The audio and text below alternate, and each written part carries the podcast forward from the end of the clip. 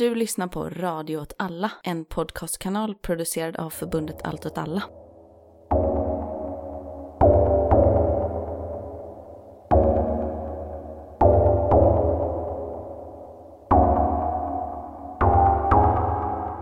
Hej och välkommen till Eld och rörelse. Udda krig och perspektiv. Med mig, Martin Hansson. Och mig, Myran Insektsnamn. Hur är läget med dig? Är det bra? Är det med dig? Jo, jag är trött. Just det. Mm, Som vanligt. Ja. Trött på livet. Men eh, imorgon är det så då är man ledig. Då är man ledig, ja. Nu timestampar du det här avsnittet. Ja, men det skulle vi väl göra. Ah, kanske, kanske inte. Tänk vi släpper ett annat, bara det här i bakfickan. Ja, och ja, men raskar fram en dag när vi behöver det. En regnig dag. Det kan väl folk få veta att det var inspelat i förväg då? Är det en hemlighet att vi ibland spelar in i förväg? Vi spelar aldrig in i förväg. Okej, vi har gjort det typ en gång En gång har vi gjort det. Och vi har ändå släppt, det här måste vara avsnitt Det vet vi inte då, Just det. om det. Nej, Men nu, om det är vi- du som Nu timestampar. timestampar jag. Oh no!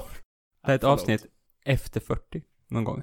Efter 40 någon gång, ja. Vi har spelat in 40 avsnitt när Ja. detta avsnittet spelas in. Ja. Mm. Och vi kommer ha gjort det för all framtid. Kommer vi ha spelat in 40 avsnitt. Vi kan inte gå tillbaka, vi kan inte börja minus spela in avsnitt. Nej, vi kanske släpper det här i en annan poddserie. Vi, vi måste rebranda oss på Oj, okej. Mm. Då var det ett misstag att kalla det eld och rörelse ur krig och perspektiv Nej, vi också. kanske bara klipper in det när jag har skaffat en ny sidekick som heter Oj, Torsten. okej. Så säger Torsten. Jag säger så. Hej och välkommen till.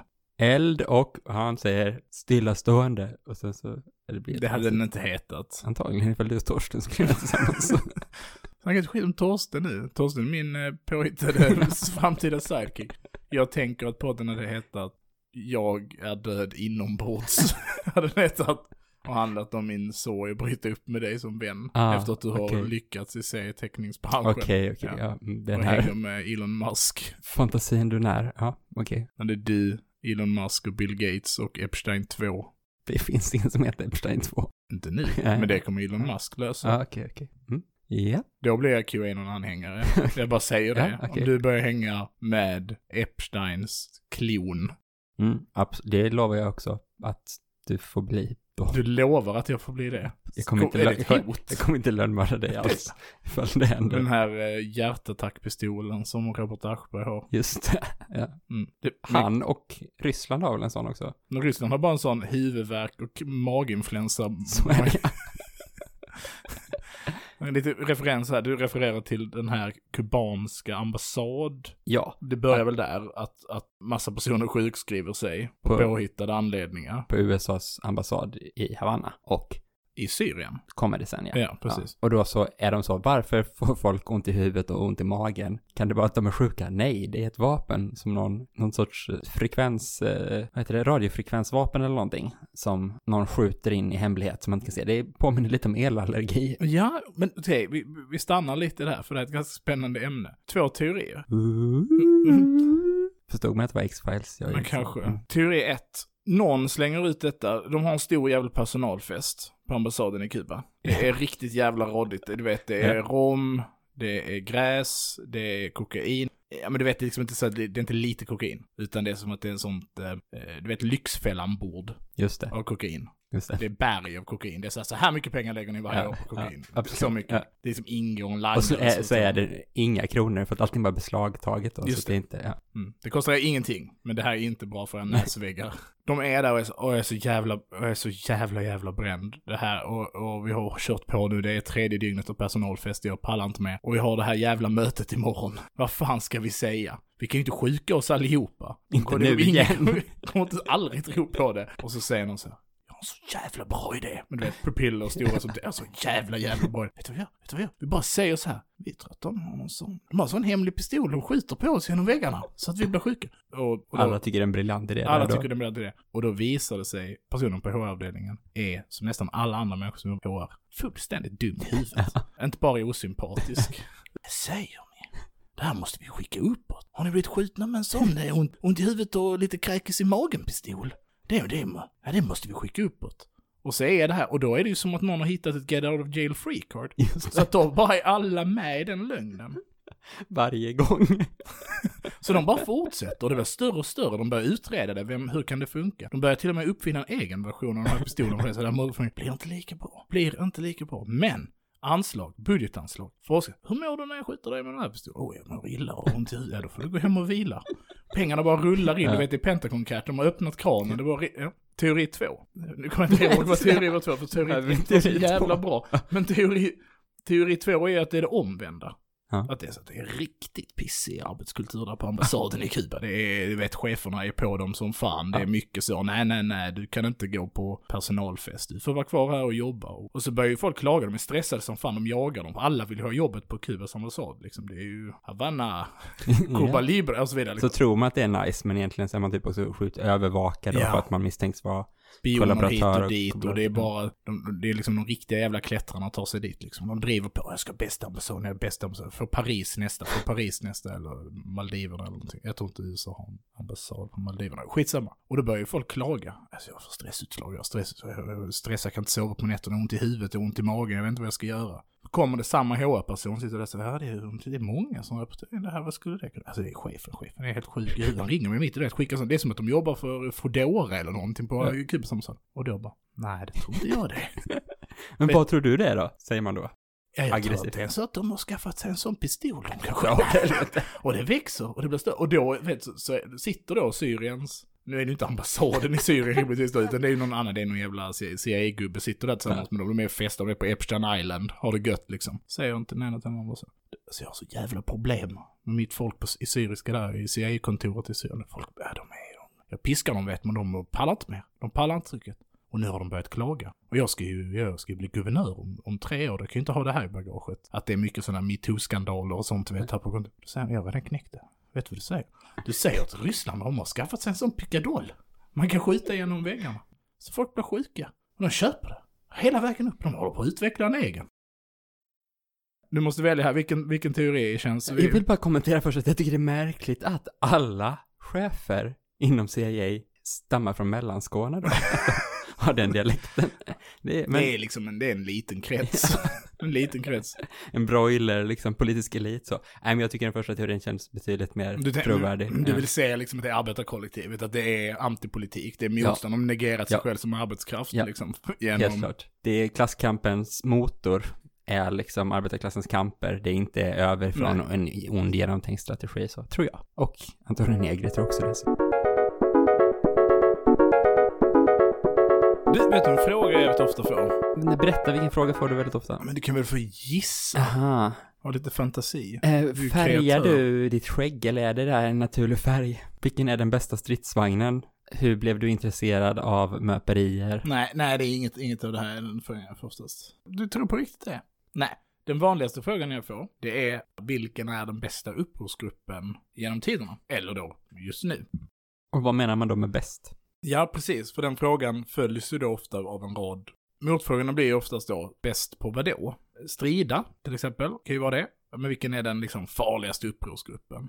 Vilken är den skickligaste upprorsgruppen? Och det är ju lite, det har ju med vissa objektiva faktorer att göra, alltså vilket krigsmateriel de har tillgång till, till exempel, eller hur, hur stor är den? Och, eller hur framgångsrik har de varit i olika slag den har ingått i? Och då kan man ju få ganska olika svar. Boko Haram till exempel har bedrivit ganska framgångsrikt uppror och vunnit flera stora liksom, avgörande konflikter med ja, sin motpart, sin fiende. Samtidigt känns ju Boko Haram som ett ganska tråkigt svar för att det kanske inte är den mest inflytelserika upprorsgruppen eller terrorgruppen då de senaste 30 eller 40 åren. Då Nej. skulle väl Al-Qaida kanske kunna vara ett annat svar. Och då blir det så, ja, men vad har Al-Qaida lyckats med? Vad var de bäst på? Få sig att bli invaderade och sönderbombade av USA? Ja. Är det talibanerna kanske? De har hållit ut väldigt länge till slut faktiskt, typ, eller de kommer väl vinna så här, sitt krig på något sätt. Ja, eller är det Nordvietnam? Eller Vietnam? Vietmin? FNL? Det är komplext. Är det en reguljär armé? Är det en upprorsgrupp? Är det? Och så vidare. Så att det är frågan då, att vara den skickligaste eller den bästa upprorsgruppen, är det svaret att säga så att man är politiskt skickligast, till exempel. Mm. Och de, ofta de mest politiskt skickliga upprorsgrupperna, de vinner ju oftast på sina konflikter. Är det ANC då kanske? Skickligaste upprorsgruppen. Men det är inte riktigt det man frågar efter. Utan, Utan man tänker sig att man sitter och kollar på ett avsnitt av, Deadliest Warrior. ja, precis det jag skulle säga. Som går på, vad är det, Discovery? Nej. Jag vet inte om det går fortfarande. Menar man den uppror, upprorsgrupp som är mest sympatisk eller liksom snällast på något sätt, som beter sig mest liksom gentlemannamässigt eller förhåller sig bäst till hearts and minds på något sätt, eh, är det då SDF kanske? Mm. jag menar, mest godhjärtade projektet? Eller, eller är det bara så att den som är bäst är den som är bäst på att överleva och inte bli utslagen? Och jag tänker, när man tänker på det här, så är ju det svaret man är ute efter, det är att beskriva grupper som har varit skickliga på att inte bli krossade, trots mäktiga fiender. Båda är mäktiga och har teknologiskt överläge. Att fienden har det. Mm. Samtidigt som man lyckas spela det politiska spelet utan att förlora det militära. Och det är ju någonstans de som är mest flexibla. Och kanske därför också mest anpassningsbara. Och idag ska vi prata lite om att vara anpassningsbar. Vi båda två har läst ett kapitel i boken The Dragons and the Snakes, How the Rest Learned to Fight the West som är skriven av David Kilcullen. Och eh, vi ska inte prata om boken i sin helhet. Ganska mycket titeln på boken beskriver vad boken handlar om. Alltså, när USA lyckades eh, bekämpa det man då kallar draken, vilket i det här fallet är Sovjet. Och så pratar man om att nu har den här draken också eh, lagt ägg. Och det, ur de här äggen är de här ormarna nu. Och det är ormarna vi nu kommer att behöva möta. Och eh, han inleder det här kapitlet någonstans med att beskriva en adaptionsmodell eller ett sätt att förstå hur insurgentgrupper eller upprorsgrupper utvecklas i en dynamik med upprorsbekämparna. Skulle du hålla med om den beskrivningen? Ja, men det tycker jag är rimligt.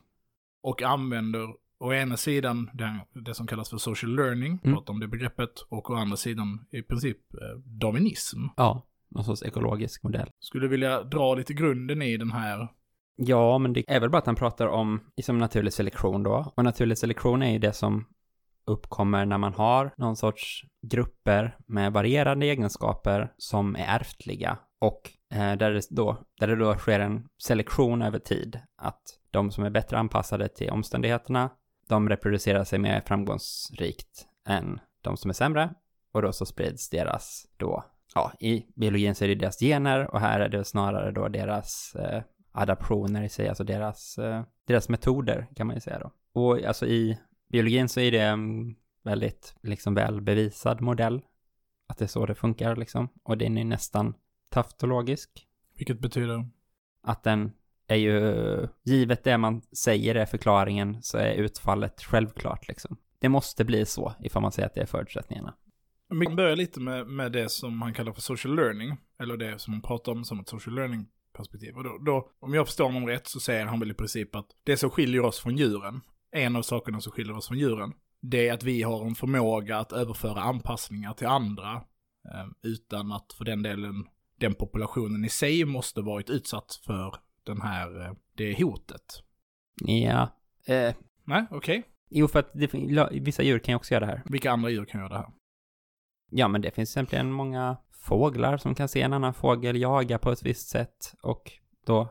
Och då ser den ändå det? Den betraktar den andra och det är det sociala i det social learning, att man ja, inte behöver utföra den här handlingen själv för att lära sig den, Nej. utan man kan betrakta någon annan den och göra den. Och det är ju liksom inte evolution, utan det är ju bara lärande liksom mm. på individnivå. Och så kan det bli då någon sorts kulturell evolution som förs vidare genom generationerna att man lär sig av de äldre liksom. Och så har man, finns ett beteende kvar, även ifall det inte finns genetiskt lagrat i populationen, utan bara kulturellt då.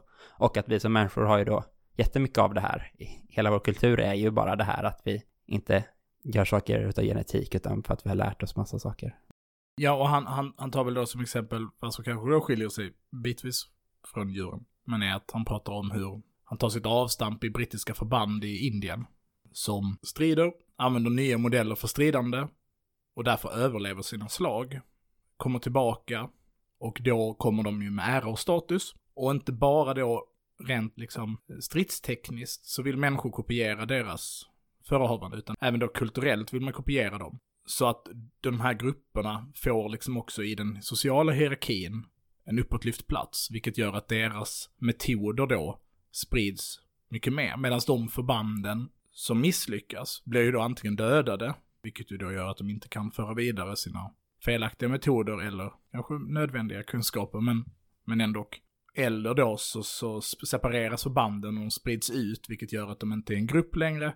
Och tredje så bär de ju någon typ av vanära eftersom att de har förlorat. Så att deras eh, kulturella normer eller... Ja, socialt nästan. Jag skulle säga att allt det här är kulturellt egentligen, men att det du pratar om att ära och så är det mer sociala delen i det liksom. Ja, Precis, och, och då gör det att deras eh, sätt att äh, agera äh, blir inte så dominerande i populationen på något sätt, utan den blir svagare. Han drar ju några paralleller till idag för det här och pratar om det de kallar för operator beards. Okej, det minns jag inte det vad han skrev om. Ja men att liksom, man kan se på soldater idag. I vår tid så sker ju detta kanske då snarare vid elitförbandsförehavande. I Sverige skulle det vara mm, SOG eller så- alltså SOGgen då som åker iväg och så gör de någonting och så kommer de tillbaka och de här är någon typ av våra bästa soldater. Så att sättet de är vill de Eller- andra soldaterna kopiera. Och då är de att de här skäggen är en grej. Just det, Och så började det spridas att man skulle liksom ha skägg och man skulle kanske ha snabba solglasögon. Och sen skulle man ha olika Gucci-gear på sina vapen.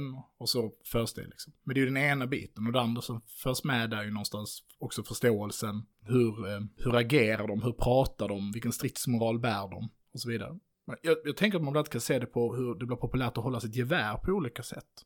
Just det. Vi har ju skjutit en del gevär. Har du sett när folk eh, håller gevären, det heter det här greppet, jag borde kunna vad det här greppet heter, men man nästan liksom greppar pip eller framstocken ja. på geväret Mm. med hela handen som att man tar ett stadigt grepp. Man håller inte under Ja. till utan på sidan och över med tummen över, över pipan. Ja. Då står folk och skjuter så på liksom en jaktskyttebana. Ja. För det man lär sig från en fräck video, Mm. där folk gör så för att det är det mest stabila sättet att hålla geväret i strid eller någonting antagligen. Ja, och så här, operatörer. Men det är antagligen ett mycket mer komplicerat sätt att göra det på, vilket varför en vanlig värnpliktig kanske inte nödvändigtvis måste hålla geväret på det sättet. Nej.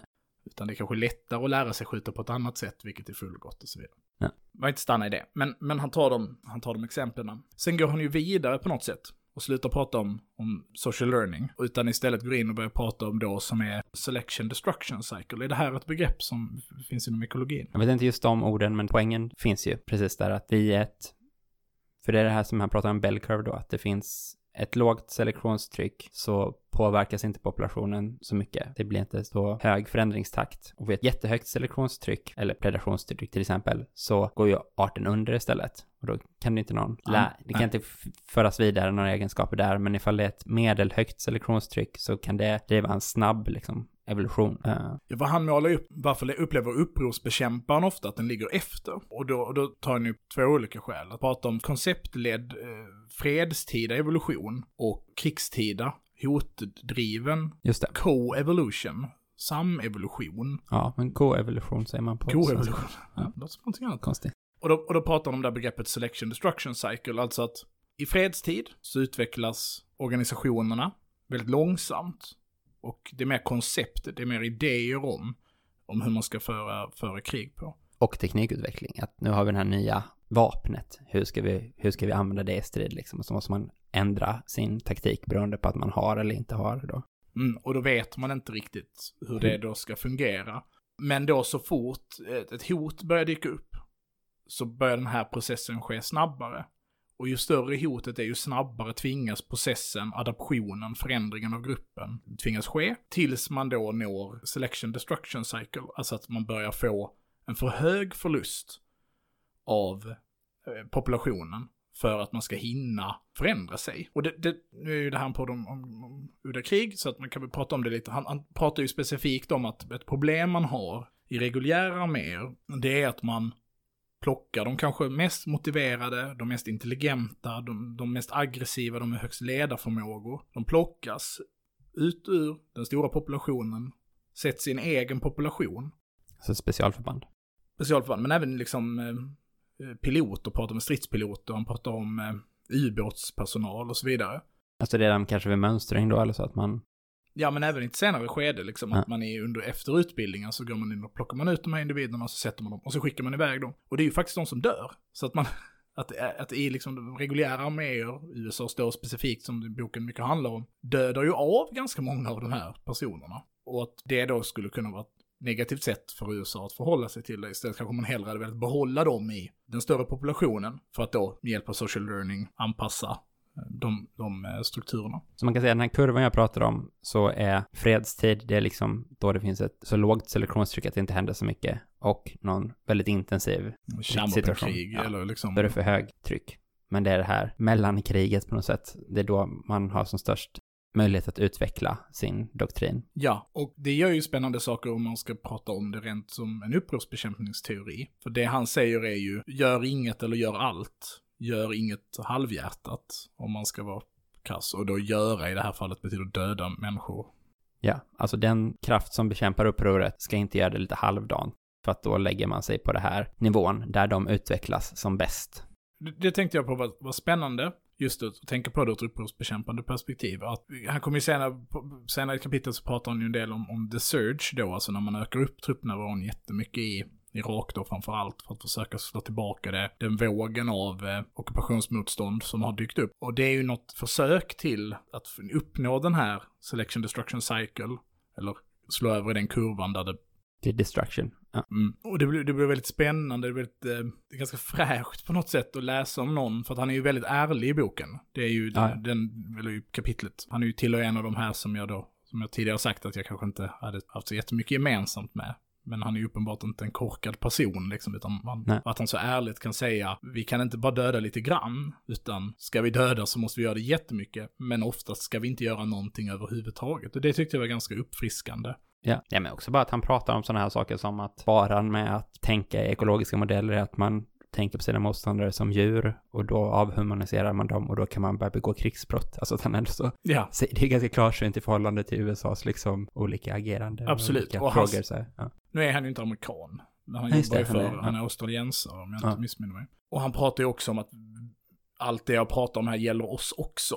Det det. gäller också oss som upprorsbekämpare. det finns ett selektionstryck även på de styrkorna liksom. Ifall du slår ut, ifall upprorsgruppen slår ut hela dem så kan inte de heller lära sig någonting. Och ifall upprorsgruppen inte erbjuder ett motstånd alls, då lär du inte, ni, Nej, inte dig precis. heller någonting. Men ifall du måste kämpa lite för att bekämpa upproret då så finns det en lärfönster där på något sätt. Ja, och att teknikerna och, och taktikerna har uppstått eh, gemensamt. Att man har lärt sig av varandra. Vi kommer väl till det lite senare. Men det tyckte jag var uppfriskande. Är det någonting du tänkte på när du... Jag tyckte det var flera intressanta jämförelser. En sak som man pratar om är ju adaptivt landskap. Mm, vad är Som- det? Ja, det är en ekologisk modell, eller en evolutionär modell som säger ungefär, jag vill, vill, ska jag detaljförklara det här? Förklara så att en eh, femåring förstår. Så jag förstår. Ja, men det är kanske svårt. Men, men om man tänker sig att det finns, man kan göra en teoretisk liksom uträkning på vad är det i evolutionen då kanske, som att ha de allra bästa egenskaperna som gör att man liksom får så mest framgång som möjligt, sprider sig själv. En art blir så framgångsrik som möjligt, får så hög fitness som man Mm. säger. Det är liksom en samling egenskaper då som blir någon superorganism så. Men den positionen är jättesvår att nå till, för att evolutionen är inte bara att man kan hoppa till att ha alla de bästa egenskaperna. Så om man ska göra ett exempel av det här, och bara i sin allra enklaste form, så kan man ju bara tänka sig som ett liksom diagram med en x-axel och en y-axel. Och ju högre man är på diagrammet, desto bättre går det för en. Och för vi tänker oss att det handlar om, då till exempel en eh, grodor, så ju längre ut på x-axeln man är, desto större är grodan. Och så tänker vi oss då en kurva på det här diagrammet. Då kan det vara format som liksom en silhuett av ett berg. Att det finns höga pikar och så finns det dalar. Och egentligen, för att göra det riktigt enkelt kan vi bara tänka oss att det finns två sådana toppar då. En som är att grodan är riktigt stor, säg, tänk en sån här riktigt god fem kilos groda då liksom. Och en som är mycket mindre, kanske en fem hektos groda. Det är också en stor jävla groda. Något sånt. Då är anledningen till att pikarna är där, att topparna är det, skulle kunna vara att eh, den har två fiender. Säg att den har fåglar som slår ner från luften och fångar dem och äter upp dem. Och så kanske ormar som jagar dem på marken.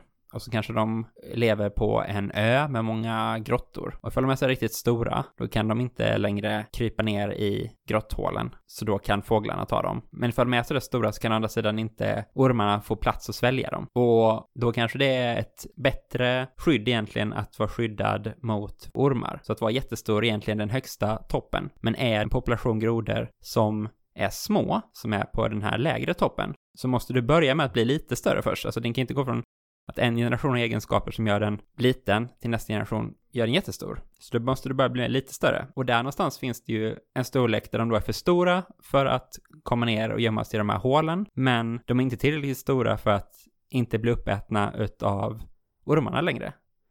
Så då mitt emellan de här två topparna så blir du både äten av fåglar och av ormar. Så därför är en population som är på den lägre toppen fast där. Börjar den växa och bli större så att den inte längre kommer ner i hålen, då blir den utsatt för ett dubbelt predationstryck, så därför kommer det hela tiden finnas en selektion på att fortsätta vara liten. Men skulle den utav liksom teoretiskt sett hamna på den högre toppen, då hade det varit bättre, men den kan aldrig komma dit, för det är en dal mellan de här två pikarna. Och det här är ju en modell som bara är ren 2D då liksom. Och så är det såklart aldrig evolutionen, för det finns alltid selektion på många olika egenskaper samtidigt.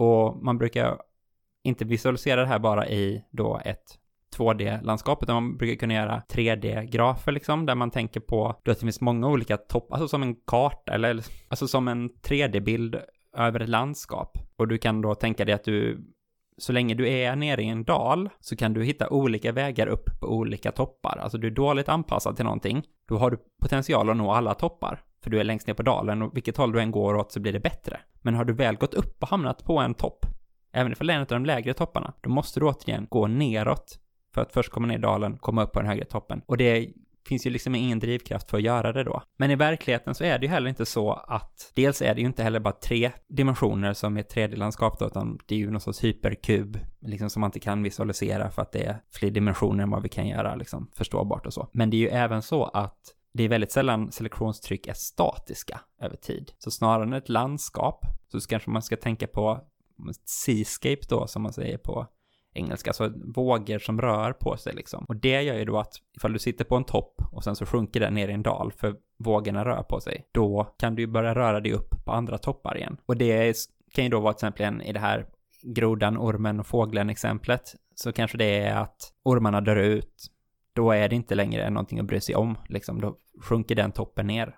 Eller snarare kanske att dalen mellan topparna försvinner och stiger upp och blir liksom en enda lång kurva uppåt. Eller så blir de ormarna större och då kan de också äta grodor som är stora och då förändras landskapet igen. Dynamisk. Precis. Det gäller ju då också att landskapet inte förändras så dynamiskt och snabbt så att liksom organismen eller den här väpnade gruppen då inte kan röra sig för att det blir helt, liksom, ett landskap som rör sig hela tiden, då har du ingen chans att liksom agera alls liksom, utan det måste ju gå långsammare än vad du själv kan anpassa dig. Och landskapet här ganska ofta då i den, i upprorssituationen är ju en rad liksom objektiva kriterier men är ju också driven då, precis som du beskriver, av liksom predatorerna.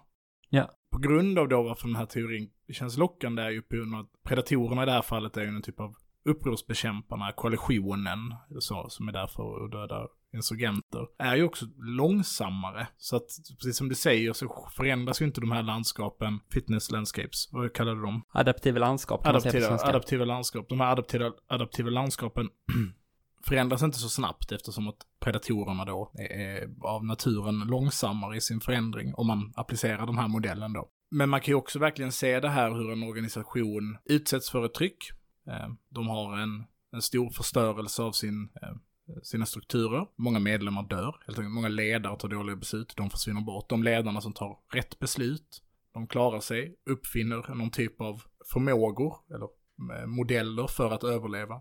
Tar sig upp på en kulle och sen förändras det adaptiva landskapet, så förändras förutsättningarna. Om det är satellitbevakning eller om det är tillgängliggörandet av infraröda sökningar eller om det är att Sovjetunionen kollapsar eller vad det kan vara. Då förändras landskapet och det kan ju gå ganska snabbt. Och då är du fast i din modell. Om modellen är djungelgerilla som tjänar pengar på, på att eh, beskydda och beskydda verksamhet av kokainodlare till exempel. Och sen så kastas liksom samhället runt dig om. Du kan liksom inte bara utan problem bli någonting annat efter det. Utan du är ju någonstans det här din, din, eh, din förmåga, din, ja men som den här evolutionen då, organisatoriska evolutionen har drivit dig till. Vad tänkte du spontant för liksom eh, adaptiva landskapsförändringar när du läste texten gällande då organisationer?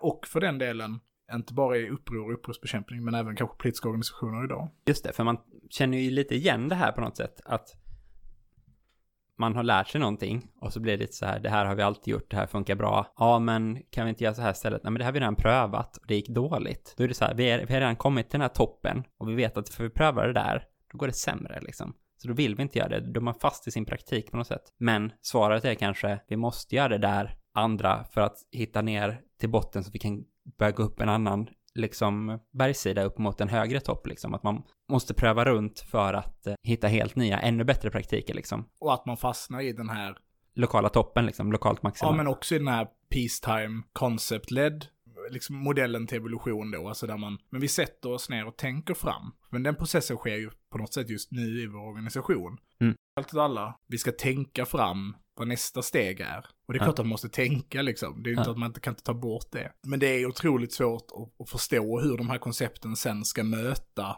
det här adaptiva landskapet som man sen ska verka i. Ja. För att då sitter man där till slut och är svinbra på Facebook och har verkligen fångat den och skapat, har kontroll över en plentiflora av liksom olika Facebookgrupper där man kan liksom få inflytande för hur debatten sker i olika stadsdelar eller mindre orter eller vad det nu kan vara. Och sen så kickar Facebooks antipolitik-algoritmer in och bara klipper, vad är det man kallar det, shadowbannar i princip allting och bara får att det inte syns längre. Nej. Och då är det så, oj nu Ja, det vi har tänkt ut här. Och, och byggt Ja, upp liksom. Nu funkar inte det här längre liksom, för det adaptiva landskapet har förändrats. Och det finns ju verkligen någonting i det här som, som, som känns lockande. Det är väl som man kanske har svårt att dra parallellen till är ju den här destruction cycle eller liksom, ja, för det har ju vi tack och lov inte varit utsatta för. Det är väl, när repression har ju inte varit varken liksom död, men det finns ju någon typ av tillväxt och eh, jag, jag tänker att lite den här med, när man diskuterar tillväxt till exempel, organisationstillväxt, så finns det ju lite den, nu växer den här rörelsen som inte är vi. ja, Varför gör de det? Varför växer de? Varför växer inte vi? Och så tittar man på dem och så säger man, kan vi försöka, kan vi försöka vara som dem? Ja, För att attrahera den här populationen till oss, liksom. Och det finns ju något spännande även i den, alltså så pratar man inte om det. Nej. För att det, det låter ju helt sjukt att göra det. men men om man tänker att man kanske måste förstå det till viss del på det sättet. Men också då såklart den här social learning då, att någon gör någonting, det börjar fungera, så börjar folk göra efter det de gör i hopp om att det ska få samma utfall. precis. Och det går ju emot den här egentligen relativ landscape-modellen då, som ju är, handlar om liksom ärftliga egenskaper som inte överförs horisontellt då, utan bara vertikalt, då, så att det ärvs neråt och inte att man kan lära sig av varandra. Så, då. så det är ju som sagt, vissa av de här modellerna, nej, precis, de är intressanta tankekoncept så, men man kan inte heller bara applicera dem rakt av och tänka att det liksom är samma sak i evolutionen och alltså i den biologiska evolutionen och i till exempel då organisationsförändringar. Jo, men du frågade ju också vad du sa nu att eh, vad jag tänkte på för förändringar av förutsättningarna för olika upprorsgrupper då i olika konflikter. Men det är väl sådana saker då som införandet av ny teknik, till exempel. I, I boken tar de ju upp så här, bara införandet av olika kommunikationsteknologier, att det exploderat verkligen under 2000-talet liksom så. Men på samma sätt då kanske har möjligheten att spåra människor ökat mycket tack vare den här ständiga liksom uppkopplingen och övervakningen och så och precisionsbombandet med drönare har liksom en helt ny dimension som har uppkommit och sådana saker. Men också bara vadå, hur stor insats eller någonting en, en eh, upprorsbekämpare tillämpar måste väl vara en del av det. Och också kanske hur liksom vilket stöd i lokalbefolkningen har när övermakten då liksom har, satsar de på det sociala, då kanske det förändrar vad en upprorsgrupp har kapacitet att göra eller, eller finns det konkurrerande grupper helt plötsligt i en helt ny dimension liksom och saker. Så, ja. När man pratar om evolution så pratar man ju också om förädling, eller hur? Och i boken så kallar de det för, ja, naturlig selektion jämfört med artificiell selektion då. Och det är ganska logiskt när man tänker på det. Antingen så är det örnarna och grodorna som bestämmer hur evolutionen ska ske, eller så är det mänsklig hand som plockar bort de små grodorna, och så att de stora grodorna får föröka sig, och då blir de större. Ja, precis. Det styrs utav liksom en, en mänsklig tanke på något sätt. Sen så delar man in artificiell selektion då ytterligare i antingen en medveten eller en omedveten, att man vet vilka egenskaper man avlar på. Jag tar den största för att nästa generation ska bli större. Eller så kan det finnas en omedvetenhet i det här som är till exempel då, ja, vi, vi fiskar torsk i Atlanten. Vi har ett mått som säger man får inte ta torskar som är över 30 centimeter upp för att då Ja, tar vi det. bort de unga. Men då har man en artificiell selektion som säger är du stor så blir du dödad. Alltså anpassar sig arten då med tiden och blir bara mindre liksom. Så då har man ett selektionstryck på att en art liksom ska bli fullvuxen vid mindre storlek, men det är inte för att man vill det, utan det är bara för att man plockar ut alla de största så blir det den effekten. Det är samma sak kanske som då ifall man bara skjuter de största älgarna hela tiden så minskar älgstammen. Men det har man insett någonstans så att det finns väl en jägarstandard om att man inte ska skjuta de allra största och så liksom. Ja, om man är inte köttjägare utan troféjägare så, så skjuter man inte fina råbockar till exempel, utan man låter dem få para sig så man får fler fina råbockar. Är man jägare som jag så men då tänker en, ju att de har haft kul och gött och fått ligga mycket, så då är det väl okej om de dör liksom. så det gör du liksom en omedveten artificiell evolution istället Mm. för en Så jag medveten. bara förfilar bockstammen, eller eh, rå, rådjursstammen. Å andra sidan så har man ju den naturliga selektionen att man, man skjuter sjuka djur. Det, det förväntas man göra. Det finns ju den här vita älgen till exempel, som ju har blivit en omvänd grej då. Där låter ju det här hemskt, men den vita älgen borde ju ha skjutits. Den Borde ha skjutits, borde ha skjutits, men, men Ur ett jägarperspektiv så borde inte den vita älgen föröka sig för att då finns det fler vita älgar och då så blir de lättare byte för vargar. Men ifall vi inte har så mycket vargar kvar så spelar det inte så stor roll kanske. Men i Norge kanske det spelar större roll. Jag tycker vi ska ha varg också, och älg. Men om du pratar om det här i upprusttermer då, den naturliga och den artificiella selektionen, så är det ju så att i krig så sker det en naturlig selektion. Det är ju så de han använder begreppet, att om det är en militär konflikt, människor dör. Om man springer fram framför en en eh, australiensisk konvoj och ska skjuta RPG på dem skrikandes Allahu Akbar, så blir man dödad. Då slutar man göra, då människor som tänker att det är en vettig modell, de kommer sluta göra det. Det lät som ett rasistiskt exempel, men det är ett konkret exempel i boken som man utgår ifrån. Medan man då en artificiell selektion i det här fallet skulle säga, vi dödar den här typen av ledare, vi dödar den här typen av grupper. Vi får det att framstå som att den här vägen i det adaptiva landskapet inte är hållbar. Och här tar han upp två konkreta exempel och framförallt två olika, två olika reguljära arméers förhållningssätt, hur de skiljer sig åt. Och, och, och påvisar också en koevolution där i, i deras förhållningssätt. Att å ena sidan pratar han om USA och till viss del Pakistan. Och då säger han väl i sin enkelhet att USA angriper eh, Tora Bora-grottorna, driver ut talibanerna, driver in dem i Pakistan. Då var talibanerna evigt sugiga. Ja. De är liksom, de kontrollerar en liten dalgång, de bråkar med massa andra klaner och miliser som finns i området. De utgör egentligen inte ett jättestort hot, för de är knäckta, hela deras infrastruktur är förstörd. Och de leds av en ganska inkompetent ledare. Och sen dödar USA honom i en drönarattack. Och då kommer det en ny kille till makten.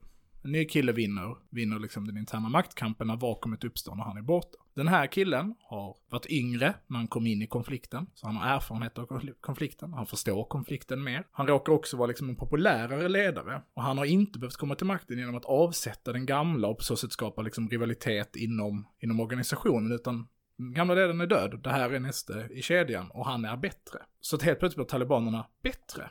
Man har liksom, en, de leds av en bättre person, och det är med en väldigt hierarkisk struktur, så att det kommer att ha stor inverkan. Hade USA haft bättre underrättelse så hade de vetat att den nuvarande ledaren är en sämre ledare än personen som kommer ta över. Ja, eller bara att de hade en bättre policy. De kanske visste det här, men ändå valde att man ska alltid slut. De kanske inte tänkte det här artificiella selektionstänket, menar jag bara att de...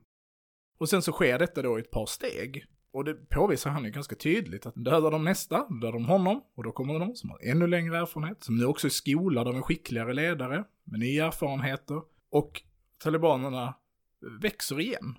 Och nu är en ännu större kraft liksom, och att han kan visa att det finns en Och sån... de går då från att vara de lokala i den här just dalgången till att sen så vara i hela Pakistan och även in i Afghanistan och utföra olika attacker och så att de dödar någon ambassadör eller vad det nu var. Och till slut så finns det till och med, man misstänker att någon som sökte begå ett terrordåd på Times Square var kopplad till just den här gruppen då, efter ett antal ledarombyten liksom. Så trots att USA hade uppfattat, men vi dödar ju deras ledare hela tiden, varför blir de bara bättre? Och här så, det, vet jag att David Killian gör ju den här poängen i sina tidigare verk, jag har läst ganska många av hans böcker. Så det är ju inte att han inte vet det här.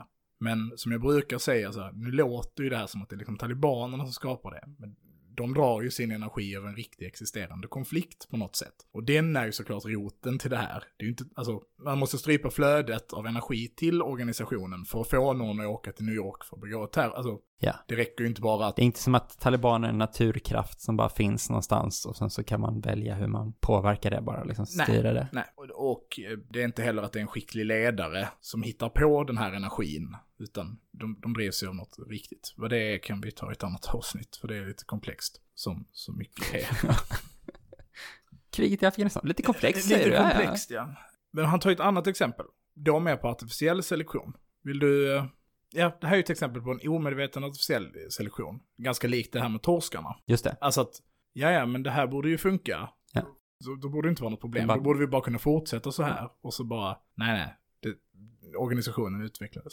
Sen tar han exemplet Israel, som han då menar, och det här är ju något man läser ofta om, att IDF och Mossad jobbar ju på ett ganska liknande sätt med de här liksom kirurgiska morden. Alltså att man, och ibland inte sådär jättekirurgiska, men att man mördar figurer, man, man liksom ledargestalter i organisationen.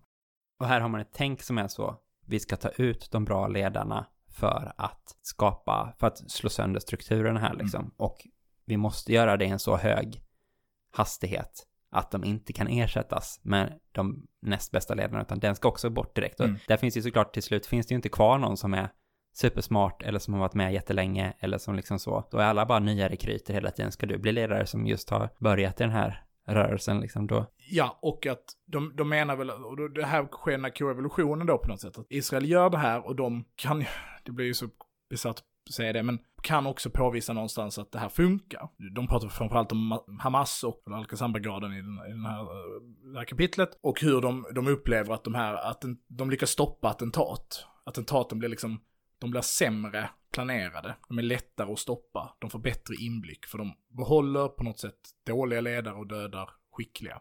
Däremot så säger han ju också att Israel upplever att attackmängden försök ökar. De pratar om en 80% stopp av, av terrorattentat, men den totala mängden fortsätter gå upp. Och det kanske är då för att de stryper all flödet på energi. Nej, precis. Och han pratar ju om det att de, att, att det är någon som säger att de är jätteduktiga på det taktiska, men de tappar det strategiska för de bara tänker på taktik. De tänker inte på hur ska vi liksom politiskt påverka den här konflikten i någon riktning, utan det är bara då inriktat på döda olika människor liksom. Och det, som du säger precis, då kan ju den kraften i de politiska organisationerna och så i Palestina växa. Och så sker det ju också någon koevolution då. För då blir det ju att de som är duktiga på att göra den här morden och den här artificiella selektionen, det är de som stiger i rankerna, det här är liksom den nya doktrinen, det är social learning, det är det här som premieras. Och då börjar Israel också överföra den modellen till andra situationer.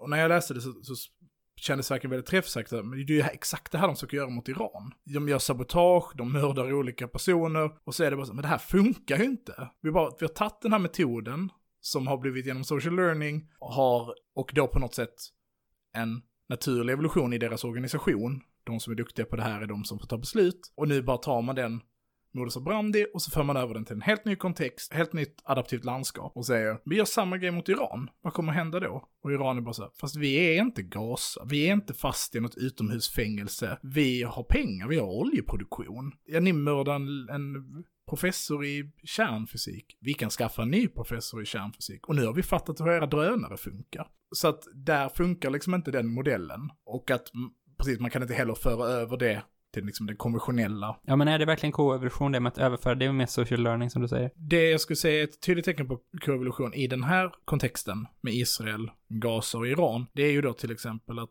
Hamas märker att, okej, okay, men Israel, de håller på och mördar, ofta genom luftangrepp från, från flygplan eller drönare, så dö, mördar de enskilda personer. Men de tappar hela tiden styrka när de dödar civila. Vi måste börja befinna oss på platser där civila också dör när de slår mot oss. Så att då har liksom det predatorangreppet resulterat i e- en bytesförändring och då så måste i sin tur predatorn förändra sig igen. Ja, precis, det är det här som vi menar med koevolution, att eh, båda då som i naturen arterna förändras i liksom interaktion med varandra. En, en, en jägare blir snabbare på att springa för att hinna fast sitt bytesdjur, då blir bytesdjuret eh, bättre på att kamouflera sig, då måste predatorn få bättre syn, då så kanske bytesdjuret blir snabbare igen och så, så drivs båda arterna utvecklas liksom eh, av att anpassa sig till varandras anpassningar fram och tillbaka Mm. helt enkelt. Han gör ju också, liksom, han tar ett rad exempel på hur man kan se att många av de, många av de modeller för krigsföring som västerlän, västerländska länder har haft när de har gjort insatser i länderna, framförallt då i Mellanöstern, har också drivit på en, en tendens då, alltså nästan drivit fram en tendens till att bete sig på ett sätt som man verkligen, verkligen inte vill på sätt som man inte vill att insurgenterna ska göra. Till exempel då att gömma sig bland civilbefolkning. Just det. Och, och, här kan man ju få om man då ska förstå Israels tänk, hur de tänker när de helt uppenbart bara skiter i det, så är det ju nästan det omvända. Alltså, ifall upproret vet om, vi bombar aldrig sjukhus, då blir sjukhusen platsen där man gömmer sig. Ja, så därför. Ja, och då, då blir ju den obehagliga slutsatsen av det blir ju, Vi måste börja bomba fler sjukhus. Mm. Mm. och då vinner upproret. För då bombar befriarna alla ens sjukhus.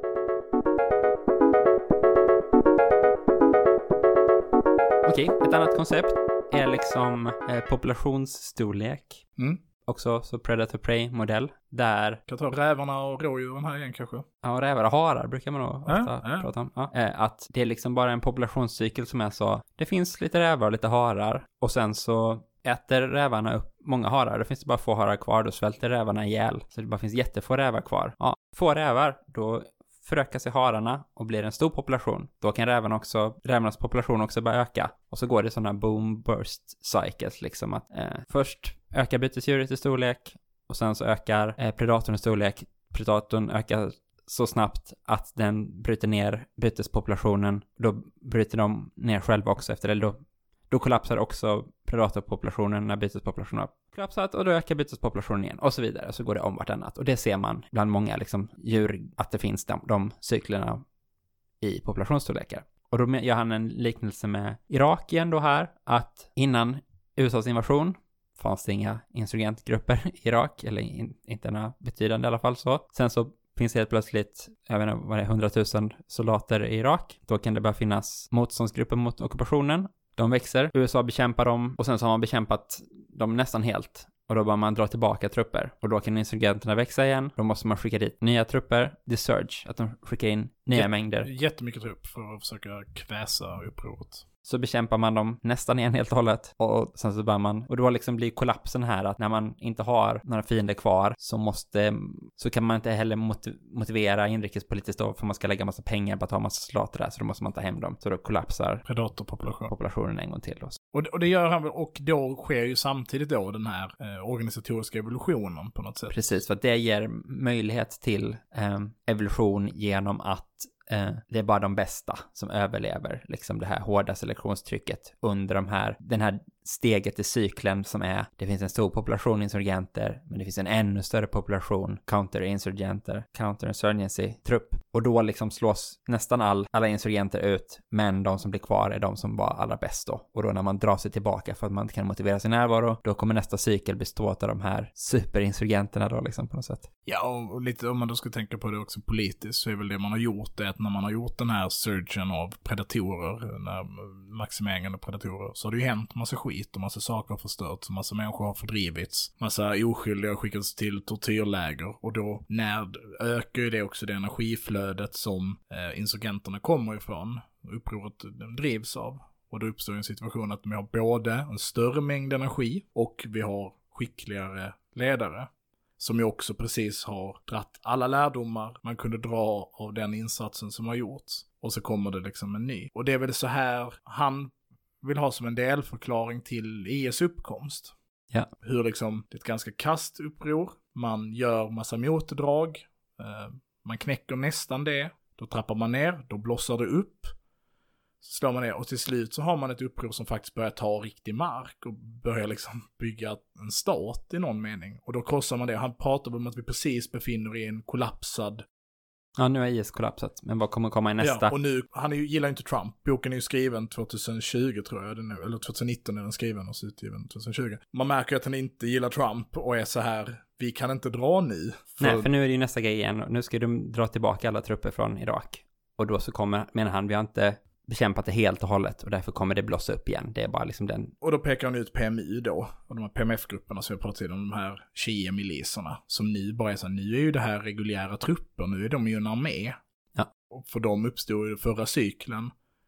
Och visst, vi har krossat IS, men så fort vi drar så kommer de säga, nu är det vi som bestämmer. Ja. Det tyckte jag var ganska, flera sådana exempel, och vidare i boken då, jag tänker att vi kanske kan ta och läsa några kapitel till. För att han kommer in och börjar prata mycket om vilka är de här eh, adaptiva landskapen? Va, vad är topparna? Vilka toppar kan vi identifiera som faktiskt existerar? Och jag tycker ändå att det väcker tankar om politisk organisering generellt. Såklart den här predator-kollaps-grejen kanske jag inte tycker, den får man ju nästan skohorna lite. Men kanske den här när vi pratar om cykler av, av, eh, av liksom generationer, vänstergenerationer. just det, som nyaste brandnumret handlar om. Att man, man ser den här liksom, det blommar upp och sen så går det ner i intervaller och så blommar det upp igen. Och frågan är, har man, är det liksom det som blommar upp igen, är det bättre anpassat för det adaptiva landskapet? Eh, och det är därför det blommar upp igen. Istället för att tänka på det som liksom inneboende cykler i samhället på något sätt. Just det. Mm. Och kan man söka vägar, såklart under någon typ av konceptled får det ju bli då. Eller för den delen är det liksom ett faktiskt sökande. Men istället för att förstå det som generationscykler går det att förstå det som dalgångar i det adaptiva landskapet. Ja, precis. Men du säger att det blir skohornat och det är ju för att, för att soldater då äter ju inte insurgenter liksom, utan det är, det är inte därför de kollapsar då, utan man kan ju välja då till exempel att ha en närvaro i Irak som är jättehög i 20 år till ifall man vill liksom. Det är ju inte, det är inte en naturkraft som säger att man måste dra, dra tillbaka att, att mängden trupper kollapsar liksom, utan det är ju då eh, en, ett beslut man kan ta eller inte ta. Ja, men det tas ju också eh, beroende på känslorna i hemlandet och hur de påverkas av mängden attacker. Jo, jo, Så, såklart. så, Alltså, att det- jag menar, det finns ju riktigt, det inte liksom, för det är ju inte mastermind. Det är ju inte, alltså det är ju inte, det är ju inte ett genidrag. Och jag tror att man tar då Vietnam som ett exempel. Men det gick till slut inte. Det gick inte att säga till befolkningen, nej men ni får acceptera de här skattehöjningarna. Men varför då? Vi måste göra det här. Men varför då? Vi fattar inte. Jag skiter i det här nu, få Ja. hem de här killarna och jag vill inte höja skatten mer, för jag fattar inte.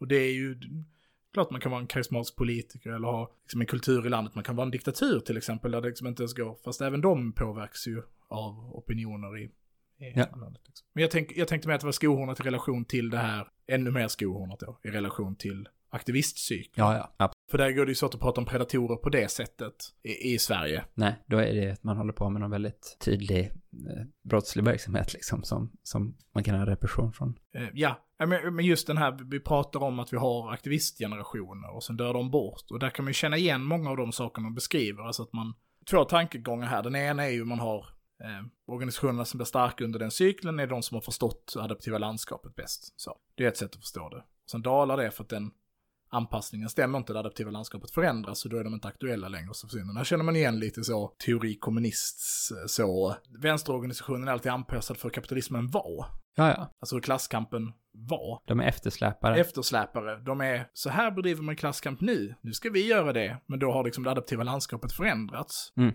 Vi vill bilda arbetarråd. Ja. Det har vi ju redan gjort en gång, nu är det inte det. Nej. Det är ju den ena saken man kan tänka på det, och att det handlar därför om att på något sätt försöka läsa det adaptiva landskapet för vad som är att vara en skicklig politisk organisation. Men jag skulle säga att det adaptiva landskapet handlar också mycket om att man bara prövar praktiker och Ja. fortsätter göra det. Så det är kanske inte så mycket att, att man faktiskt räknar ut hur landskapet ser ut, utan man känner sig fram liksom. Man kan inte, man kan inte överblicka det, utan man märker vilket som går uppåt och neråt. Nej, och det, men men det kan man ha som doktrin, som strategisk modell. Nu ska vi förstå vad det faktiskt... hur det adaptiva landskapet ser ut. Nu måste vi släppa de gamla grejerna för det adaptiva landskapet har kollapsat för att det har Ja. förändrats för annars hade det inte sett ut så här. Visst? Ja. Den andra grejen med detta är då, hur behåller man de skickligaste aktivisterna? De mest adaptiva aktivisterna. Mm. Och det är ett annat sätt att tänka på det. Ja. Jag förstår att det finns en obehaglig bit i det här. Men jag, alla, jag förstår att alla är helt införstådda med att det finns en obehaglig bit i det här tänkandet. Ja. Men kan man säga de skickligaste aktivisterna är de mest adaptiva aktivisterna? Och du, du, du fattar ändå lite vad jag menar när jag tänker på det. De här som har lite fingertoppskänsla. De som fattar vart, vart, vart saker kommer, Ja. hur bygger man, vad är det man ska bygga, så. den biten liksom. Ja. Går det att premiera det på något sätt? Genom social learning? Ja, då blir det väldigt obehagligt. De ska ha någon sorts superstatus. för Alltså, så det- de får föröka sig med, nej, nej. med varandra också. Så att du, nej, det är inte det jag menar. Jag menar såklart, går det att liksom prata om att det är en eftersträvansvärd egenskap? Att det är det vi, det, det är det vi vill lära oss tillsammans genom social learning? Alltså genom att lära varandra. Hur förstår man de här föränderliga landskapen? Ja. Och det är ju, det är ju mycket vänsterteori, handlar ju om det. Vad Mm. händer med kapitalismen nu? Vad är det, vilka processer sker nu? Hur tar- ter sig klasskamp nu? Det är ju det. Ja. Så att, men det kanske inte är så mycket att bara då på konceptnivån studera det. Utan att man också måste då premiera på något sätt så att de som bara kastar sig ut och testar de här olika. Just det. Att, man, att ha en öppenhet för det på något sätt. Liksom. Mm. Det är kanske det sättet man kan premiera det på. Att man Ja, att det inte går att skriva ett koncept. Att det kanske inte går. För att du kan inte förstå, alltså det, det- är Mm. för många faktorer för att förstå det, för att förstå det adaptiva landskapet. Hyperkub. Mm. Hyperkub. Säger bara ord. Bara säger ord. Nej, men att det, att det är så många dimensioner. Det är inte bara en 3D-modell du kan betrakta, utan det är en 82D-modell Mm. och det kan vi aldrig liksom konceptualisera så högt att vi faktiskt förstår vad som händer i det, utan att det måste praktiskt också utforskas liksom. Ja, och den sista, den sista tanken då som också är obehaglig såklart. Det är ju att säga att man måste, man måste ha tryck. Verkligen. Det är ju där... Där börjar det bli riktigt obehagligt. inte bara den här förökelse-grejen. Nu ska Nej. vi se till så att vi, att vi ta mycket stryk i den här processen hela tiden. För att då så lär vi oss vad som funkar och inte funkar. För att då har vi incitament för att liksom göra det. Det konstiga är att det man då rimligtvis lär sig är att ta stryk. Ja, okej. Men ifall vi med ta stryk eh, menar något mer abstrakt. Ja. Ja. Så jag tror vi är klara där. Jag Ja. tror vi är klara där rent tidsmässigt och är obehagliga. Nu Ja. sitter du bara och tittar på mig som att du tycker jag är jätteobehaglig. Jag föreslår inte det. här, Men jag tycker genuint att det finns i, det pågår någon typ av strategidiskussion. Och jag tror att det är väldigt behövligt och det här känns ju som frågor. Och det, det fanns någonting i de här texterna som ändå var så. Det här känns lite konstigt att läsa för att det är så mycket militärteori så är det ju det. För att det, det sitter någon på Pentagon och läser den här boken. Och, och det gör det ju verkligen. Jag hade ju tyckt det var mycket mindre obehagligt ifall du hade slutat peta tänderna med det här avhuggna Nej. benet. Det gör jag inte. Han bara låtsas. Jag dricker lemonad faktiskt. Ska vi bara sluta? Du vill, det här, slutklämmen blir att jag tycker att vi ska börja avla. Nej, men det, det förstår det står ju ingen för. Nej, vadå slutklämmen kanske för min del är väl att bara recappa det här och säga att det finns massa intressanta aspekter i det här, tycker jag verkligen som är värda att tänka på, samtidigt som man också måste förstå att man inte kan ta ekologiska modeller då och bara överföra dem för att det finns alltid de här mänskliga förmågorna av att bara komma på saker själv eller socialt lära sig av andra eller ja, på olika sätt så som gör att det inte blir jämförbart riktigt. Men som inspiration i sitt tänkande och förståelse så tror jag det är att man kan ha mycket utav det. På tal om lära sig saker. Eh, om det är någon där ute som lyssnar som är så, jag lever ett så fruktansvärt innehållsfattigt liv att jag skulle vilja lägga några timmar i, i månaden på att hjälpa Martin och Myran med att göra sin podd. Så får man gärna skicka ett DM till någon av oss. Och eh, har man lite klippningsskills så är det verkligen en, är det en spets på en, ett adaptivt landskap. Topp. Topp på ett eh, adaptivt landskap. Just det. Mm. Ehm, annars får man också bara skicka pengar till nya mickar. Ja, tack så jättemycket för att ni har lyssnat. Jag vet inte vad jag ska säga nu. Tack så mycket för att ni har lyssnat. Tack. Tack så mycket för att ni har lyssnat. Tack så jättemycket för att ni har lyssnat. Ifall ni vill så kan ni ju följa oss på olika sociala medier, såsom vår Facebook, som man då kan tänka sig är korrumperad av algoritmen, men i alla fall, eller rörelse. Eller så har vi varsitt Twitterkonto där vi ibland skriver om de här sakerna. Framförallt du skriver ju mycket om, Krig. japp, om möperi. Då heter du att trojkan 1337. Mm. Jag skriver om lite annat, men jag heter att slukhål, slukhall. Vi har en Instagram relaterad till podden som heter eld. och rörelse. Den är skitbra. Det är en superbra. Den är, håller högre standard än podden, har du tänkt på det? Ja, det är... Och det är lite jobbigt. Ja. Det är lite som så, åh. Vi borde se till att vi också börjar lägga upp inlägg som är ganska kassa Ja, andra. Så att, dra ner standarden Ja, liksom. Ja. ja. kolla här, pinne som ser ut som en gevär som jag hittat. Titta vad jag har ritat. Nej, förlåt. Oh.